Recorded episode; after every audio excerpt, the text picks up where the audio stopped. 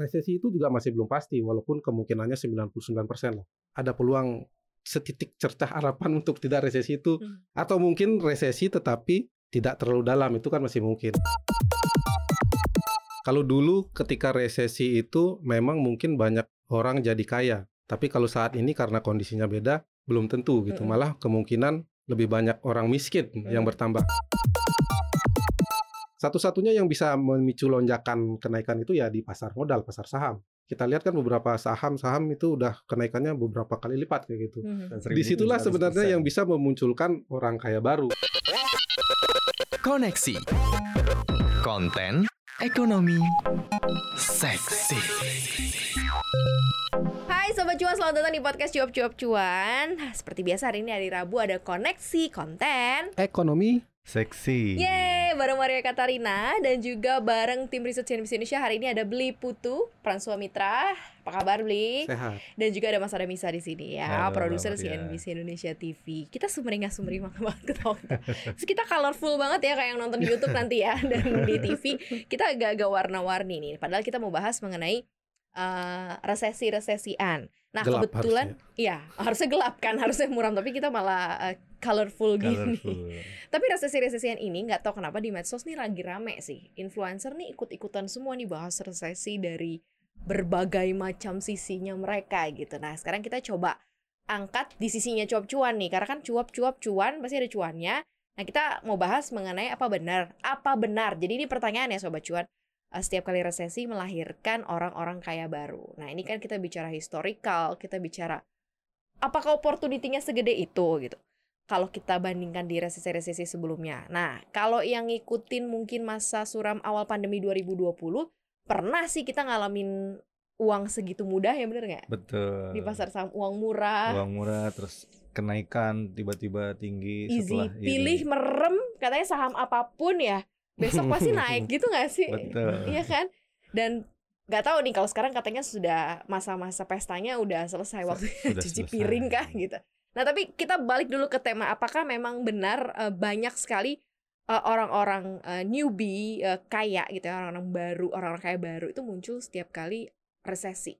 Uh, mungkin ya itu mungkin ya karena kalau kita lihat kalau dulu ketika resesi itu memang mungkin banyak jadi orang jadi kaya tapi kalau saat ini karena kondisinya beda, belum tentu gitu. Malah kemungkinan lebih banyak orang miskin yang bertambah kayak uh, di saat ini. Karena kalau kita lihat resesi itu adalah pelambatan ekonomi. Ketika itu terjadi, uh, bursa saham di berbagai negara yang dilanda resesi itu merosot kayak gitu.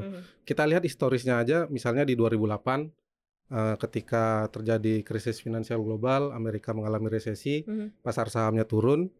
Uh, the Fed, Bank Sentral Amerika itu melonggarkan kebijakan moneter yeah. dengan memangkas suku bunga dan kuantitatif easing. Hal yang sama juga terjadi di awal pandemi ya. Mm.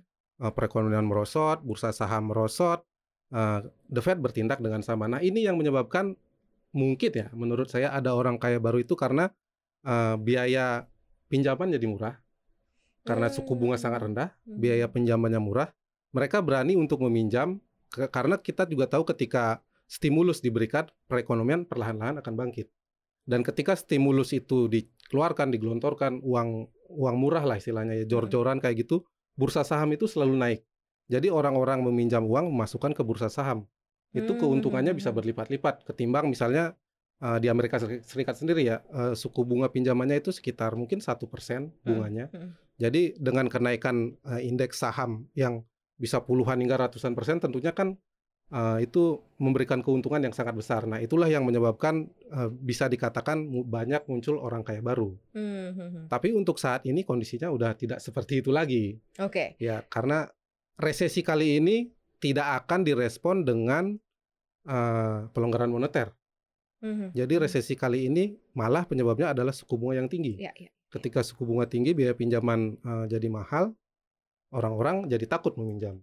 Mm-hmm. Apalagi dengan inflasi yang tinggi, harga-harga naik uh, itu bisa menambah jumlah orang miskin sih khususnya di Indonesia. Ya. Ada ada ada faktor X lainnya ada agak faktor membedakan. X. Ini ya ini sangat berbeda resesi kali resesi ini yang tuh saat ini dengan yang tidak biasa dulu-dulu ya. gitu ya. Nah kalau yang lo lihat kayak gimana Mas Adam?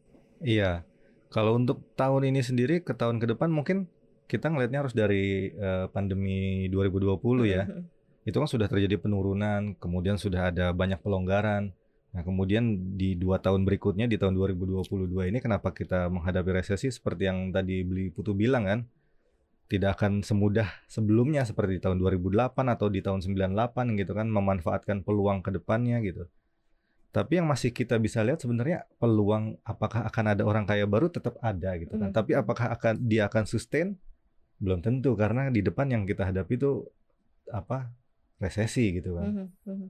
Uh, belum tentu ada kemudahan. Orang-orang yang selama dua tahun bertahan di karena pandemi belum tentu masih punya cukup modal untuk bisa mengembangkan lagi gitu kan. Kalau Nah, memang nah, masih nah. ditaruh Iya, di saham, iya. apakah sahamnya sudah cukup menguntungkan gitu kan? Sementara nanti akan ada kemungkinan gejolak terus kemudian terkoreksi lagi. Mm-mm. Tapi ah, memang ada orang yang bilang di setiap koreksi itu pasti ada peluang. Ada gitu peluang kan. benar. Masalahnya di setiap peluang itu apakah kita punya modal untuk masuk ke Eh, or- dalamnya? kalau orang kaya mah mungkin dia udah tahu duluan kali ya nggak sih? Mungkin insight-nya banyak. yang Terus ada personal sih. advisor mungkin ya. Jadi kayak nggak miss moment gitu. Itu nggak Ya. sih yang mengunggulkan kenapa akhirnya eh, peluang untuk mereka eh, tune in terus out itu lebih cepat sehingga kan ini kan kayak kita based on opportunity aja sih gitu ya. Iya. Kalau Maria nih tiba-tiba punya uang sekian terus gua pas aja dapet nih masuk momentum gue masuk dan outnya ya Should we can be a next uh, rich person gak sih? Ya kan Miliarder mungkin aja berikutnya. Miliarder next miliarder gak? Why not ya sih Iya. Lipu tuh? Ya, memang itulah mungkin bedanya antara orang yang sudah kaya dan orang yang baru mau kaya ya Hmm. kayak gitu. Karena Atau berharap kaya berharap ya Tuhan kaya, ya. Orang yang sudah kaya itu mungkin mereka sudah lama berkecimpung di dunia pasar modal, Mm. kemudian nah, bisa dikatakan juga di properti kayak gitu kan. Jadi mereka sudah paham kapan momen keluar dan masuknya kayak gitu karena mereka sudah lama berkecimpung. Nah, kita sebagai yang berharap kaya mungkin bisa belajar ya, belajar dulu ya. Mhm. Misalnya kalau saat ini harga komoditas di Indonesia sendiri bursanya masih cukup bagus kan sebenarnya. Hmm, hmm. Malah satu-satunya yang menguat di Asia Pasifik kayak gitu. Nah, itu karena kenaikan harga komoditas. Kita ditopang komoditas. Kalau kata orang itu ketika harga komoditas naik, next-nya itu akan diikuti dengan kenaikan harga properti. Nah, itu katanya konon. Mhm, Ya mhm. kita bisa belajar juga dari itu apakah benar mungkin eh, apakah akan ada kenaikan yang cukup signifikan kalau kita lihat harga properti di Indonesia belakangan ini sih sudah mulai naik tapi kenaikannya masih tipis kayak gitu dilihat dari eh, data eh, survei properti dari BI ya itu kenaikannya cuma year on year 0, sekian 0, paling gede paling tinggi itu saya lihat itu 0,6 persen di kuartal keempat 2021 dibandingkan Hmm. tahun sebelumnya. Jadi kenaikannya sebenarnya masih kecil-kecil. Nah ya harapannya ketika eh, resesi terjadi mungkin akan ada koreksi lagi ya koreksi. Mhm, mhm. dan di Indonesia saya rasa mungkin resesi resikonya masih kecil cuman pasti dampaknya ke ekonomi pelambatan ekonomi mungkin akan ada koreksi terlebih dahulu nah mungkin di sana bisa menjadi peluang sih kayak gitu Oke. tapi sekali lagi properti itu bukan barang yang murah bukan barang yang murah. Kalaupun misalnya ada kenaikan harga proper- properti malah it's too hard eh Pak, it's too hard to buy juga ya Iya, kan karena harganya makanya- mahal. Apalagi kan sekarang juga karena banyak uh, properti itu juga seka- sekarang tuh jadi sebagai solusi uh, untuk sebagian besar orang untuk uh, find out uh, cash. Tapi kan susah juga jualan properti di tengah kondisi kayak Iya. gini ya nggak sih? Benar, karena cashnya kan orang belum tentu ada. Karena Ah, itu setelah dia. dua tahun pandemi ini ya lumayan susah juga tuh mempertahankan cash flow gitu kan. Mm-mm. Sementara eh, harga properti tidak murah, kalau mau KPR pun bunga KPR-nya juga tidak kecil-kecil bakal amat. naik lagi ntar Mm-mm. Betul. itu Oke. sih yang bikin susah sebenarnya. Tapi kalau memang ada orang yang atau mungkin eh, sekelompok orang yang mempunyai cash yang cukup untuk bertahan, nah nanti dia memanfaatkan resesi kan kalau di tahun 2022 ini sebenarnya cuan dari sektor komoditas untuk beberapa pihak itu sudah sangat tinggi ya. Mhm. Nah, dari situ kalau dia sudah tahu kapan harus keluar dari marketnya, dia akan punya cash yang banyak. Ketika resesi tiba, pasar turun, dia langsung masuk lagi. Hmm. Sebenarnya sih di situ pemanfaatannya. Kalau dari saham sih kita lihat aja ininya apa namanya eh, proyeksi dalam ketika sedang di tahun 98 ketika Hmm. sedang krisis, di tahun 2008 krisis keuangan, itu kan pasar saham turun lebih dari berapa ya? 50% Iya, mungkin ya. iya. Nah, di saat orang banyak yang ketakutan mengambil mengamankan modal, Sementara yang sudah punya modal di bawah mereka menampung gitu kan, Mm-mm. membeli saham, beli saham. Jadi Jadi yang punya cash banyak tuh yang sangat diuntungkan ya, karena Betul. opportunity peluang untuk masuk ke ba- berbagai macam aset Iya. tuh cukup gede ya. banyak harga yang didiskon. Iya bener, iya nggak sih? Bukan hanya Iya, di saham benar. juga Iya. ya. Tapi apa memang melulu eh, pasar modal ya? Maksudnya memang yang membawa orang-orang ini kemudian menjadi orang kaya baru, apakah memang purely dari pasar modal, ataukah dengan yang lain gitu, atau mungkin Iya. aset yang lain? Kalau kita lihat memang pasar modal karena eh, kenaikannya itu kan bisa berlipat-lipat ya. Kalau kita bandingkan misalnya obligasi ya fix eh, mungkin sekarang 7% per tahun yang tenor Mm-mm. 10 tahun obligasi kemudian kalau properti juga akan naik tapi kenaikannya juga tidak sampai mungkin dalam setahun itu tidak mungkin naik 100% kayak gitu. Mungkin beberapa 7%, 10% masih mungkin lah. Tapi kalau 100% itu mustahil sih properti kayak gitu. Nah, satu-satunya yang bisa memicu lonjakan kenaikan itu ya di pasar modal, pasar saham. Kita lihat kan beberapa saham-saham itu udah kenaikannya beberapa kali lipat kayak gitu. Hmm. ADMR misalnya semenjak IPO itu udah belasan kali lipat naiknya. Nah, di situlah Ribuan sebenarnya persen ya. Iya. Ribuan persen. di situlah 1.700%. sebenarnya yang bisa memunculkan orang kaya baru kayak gitu. Hmm. Di satu-satunya ya di aset eh, ya aset berisiko saham. Termasuk siapa sih tuh yang kemarin yang apa naik ratusan persen yang jadi orang kaya baru? Sahamnya apa sih lupa gue. DCI. Oh, DCI, DCI, dan nah itu. EDGE. H, H, Eh, ya itu kan satu kan yang grup punya, ya. satu grup yang punya. Mulai ya. dari IPO-nya harganya berapa ribu rupiah, kemudian jadi puluhan, Puluhan ribu. ribu. Nah, Heeh. Nah, waktu pandemi juga ada kan beberapa yang seperti salah satu saham Itamara Nuraya misalnya. Oh si suntik alat itu, Nah, alat suntik alat-alat itu ya. kesehatan itu kan kalau kita bisa memanfaatkannya itu dari harga ratusan rupiah jadi sampai waktu itu pernah 3.400 Mm-mm. sebelum akhirnya sideways di 1.500 Normal lagi gitu ya harganya. Ya, bukan hanya itu aja tapi kayak emiten farmasi BUMN juga Oh gila itu. bisa menikmati semua tuh kalau memang Parah. peluangnya. Nah, kalau yang itu waktu pandemi berarti kan sektornya kesehatan. Iya. Kemudian setelah pandemi selesai ternyata ada boom komoditas. Harga-harga saham tambang naik semua. Mhm. Naiknya juga ratusan persen. Bahkan ITMG yang selalu eh, dividen yieldnya tinggi pernah di level 17 ribuan. Mhm. Kalau nggak salah di awal tahun masih sekitar 20 ribuan deh. Sekarang udah 44 ribu gitu kan. Tidak dalam waktu satu tahun sudah naik 100% Iya. gitu. Fundamentalnya memang bagus gitu kan. Kalau kita tahu apa sektor rolling sektor yang berikutnya mungkin kita bisa memanfaatkan peluang itu tapi memang butuh waktu belajar Bener gitu bener kan. bener. Kalau memang setelah ini kalau beli putu bilang setelah sektor komoditas akan ada sektor properti ya kita berarti harus siap-siap Ya. properti mana nih yang bagus gitu karena tidak semua sektor properti itu Naik akan juga naik semua juga, dan bakalan kena imbas gimana. kenaikan Betul, after commodity boom ini gitu betul. kan. Ya masih ada yang enggak juga gitu, masih yang Iya. belum uh, momennya. kan suku bunga juga it- naik Makanya jadi kondisi kalau saat uh, ini benar-benar berbeda. ya Iya. biasanya akan la- lari ke situ jadi ya sektor rotationnya belum tentu ke situ Belum karena tentu, ada tentu. ke- Suku apa bunga yang suku bunga tinggi, yang tinggi, iya. interest rate-nya Jadi emang gila-gilaan juga. Memang kasus yang unik sih untuk di tahun ini ya resesi itu. Resesi itu biasanya terjadi ketika eh, perekonomian melambat, eh, pasar tenaga kerja tingkat atau tingkat pengangguran itu akan naik. Nah, sementara saat ini perekonomiannya melambat, inflasi tinggi, tetapi pasar tenaga kerjanya masih kuat di Hmm. Amerika Serikat dan negara-negara Datanya barat. bagus sih kalau di Amerika. Datanya ya. bagus Amerika. Nah, itu yang bikin dilema sih. Jadi mau mereka mau menurunkan inflasi dengan menaikkan suku bunga uh, terus-menerus begitu, tetapi pasar tenaga kerja yang masih kuat itu uh, demand masyarakat masih tinggi. Hmm. Agak susah menurunkan inflasi kalau masyarakat masih terus berbelanja kayak benar, gitu. benar. Nah, itu yang ya situasi agak susah lah. Agak Dan beda ya. itu berefek ke Indonesia juga mau tidak mau karena kan uh, kita juga harus mengimbangi Amerika Serikat dengan Mm-mm, menaikkan mm-mm. suku bunga agar tidak ada terjadi gejolak di sini. Nah, kenaikan suku bunga ini berdampak ke ekonomi Ke nanti. kita deh. Iya. kita yang rakyat kecil juga kena. Makanya, nah eh, kalau misalnya kita kayak statement oh resesi gini-gini gitu-gitu atau mungkin mun- muncul orang kaya baru, sebenarnya ketika nih sobat cuan dengerin nih apa sih yang harus harus dilakukan begitu ketika kemudian banyak statement soal resesi? Mungkin nggak banyak yang ngerti gitu. Maksudnya kalau habis resesi gue mesti ngapain gitu? Apa yang harus gimana? antisipasinya kayak gimana gitu. karena hidup harus terus berjalan. Benar, mau besok dibilang resesi tetap aja gue harus bangun, harus kerja, Harus harus ini, kerja. harus itu gitu kan. Tapi maksudnya apa sih yang harus gue lakukan terhadap mungkin eh, keuangan pribadi atau eh, apa eh, arus dananya mereka pribadi secara personal mereka harus Iya. mengamankan apa dulu gitu. Ya, Kalau yang lebih implemented, yang lebih kayak oh gue terus kayak gitu, gitu loh. Beli buku. ya mungkin kita harus bisa memisahkan mana kebutuhan dan mana keinginan kayak gitu. Hmm. Itu mungkin suatu hal yang mendasar ya. Kebutuhan itu kan pasti makan. Mungkin kalau punya cicilan KPR itu KPR dulu lah.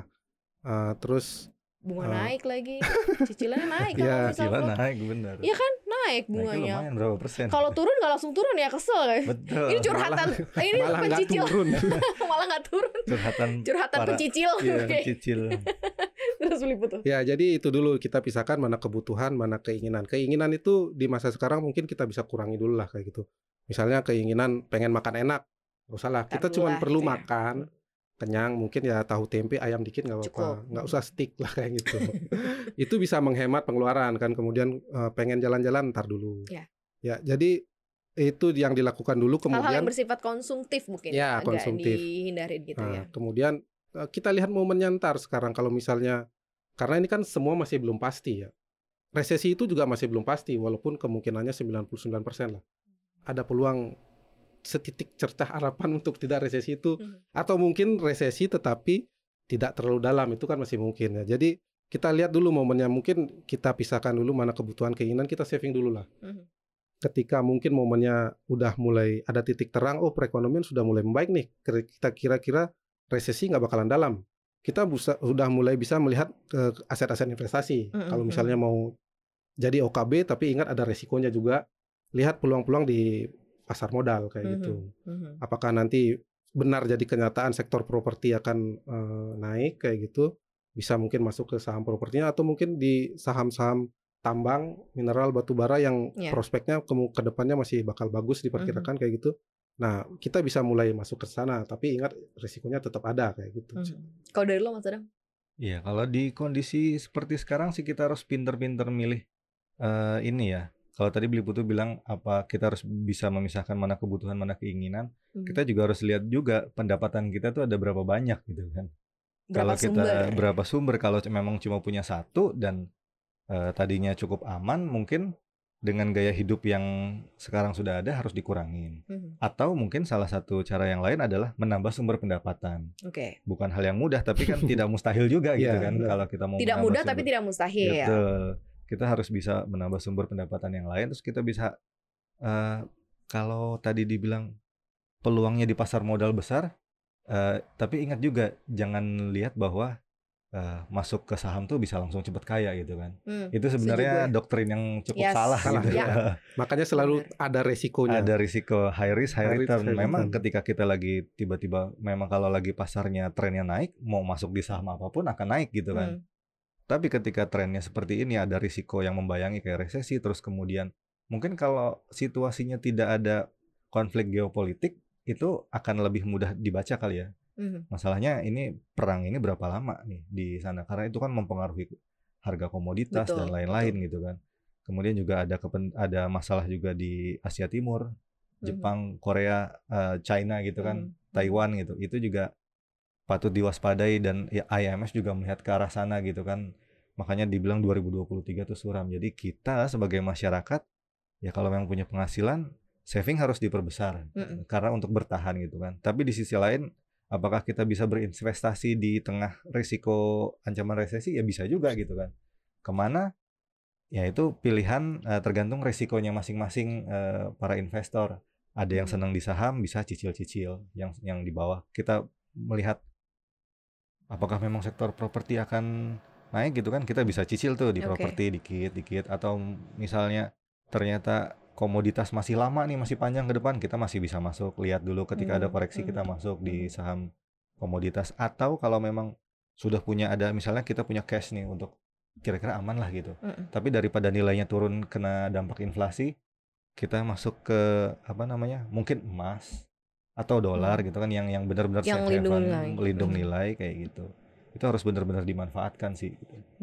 Mungkin yang harus digaris bawah di sini ya sobat cuan orang kaya baru nggak serta merta hartanya yang bertambah berlimpah-limpah terus Betul. kemudian eh, lo disebut sebagai orang kaya baru somehow lo survive dengan kondisi saat ini berhasil ngelewatinnya gitu ya dan Tanpa memanfaatkan situasinya. dan memanfaatkan tanpa menambah hutang baru tapi malah lo bisa mungkin bisa save aset yang lo punya tanpa menjualnya, kemudian lo bisa bertahan dengan eh, apa namanya income yang ada dengan sedikit-sedikit nama penghasilan dan lo berhasil lewatin ini ya lo bisa disebut sebagai one of the successful person tanpa harus jadi miliarder gitu. Nggak usah harus jadi orang kaya. Karena setelah itu ketika masanya selesai nih masa resesinya lo bisa melakukan banyak hal. Karena ya lo save uang lo dengan baik semuanya stabil gitu nggak sih Betul, karena di dalam resesi itu bukan hanya muncul orang kaya baru sebenarnya. Mhm. Itu juga karena orang kaya yang sudah ada mungkin kekayaannya jadi hilang. jadi hilang bener juga Makanya gitu ya. jadi ada orang kaya baru. ada yang gitu. tambah kaya juga gitu ya orang Ada kaya yang makin kaya turun karena mungkin Yang investasinya gagal atau apa gitu kan. Mm, tapi memang bener sih itu mungkin polanya jadi mindsetnya nggak usah terlalu kepikiran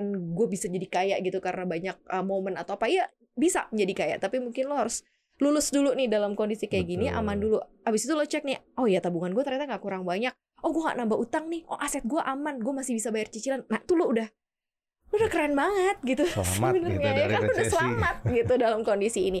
Karena ini berat ya sobat cuan ya. Mungkin belum terlalu terasa jadi mungkin harus punya aset uh, pengaman uh, apa namanya jaring pengaman untuk uh, sobat cuan khususnya di keuangan gitu ya. Semangat terus sobat cuan ya thank you banget udah dengerin kita hari ini. Jangan lupa dengerin konten podcast kita lainnya. Di mana aja? Ya, jangan lupa saksikan kontennya cuap-cuap cuan di Spotify, Google Podcast, Apple Podcast, dan juga Anchor. ya follow akun Instagram kita di @cuap underscore cuan dan subscribe YouTube channel kita di cuap cuap cuan. Di like di share dan juga di komen.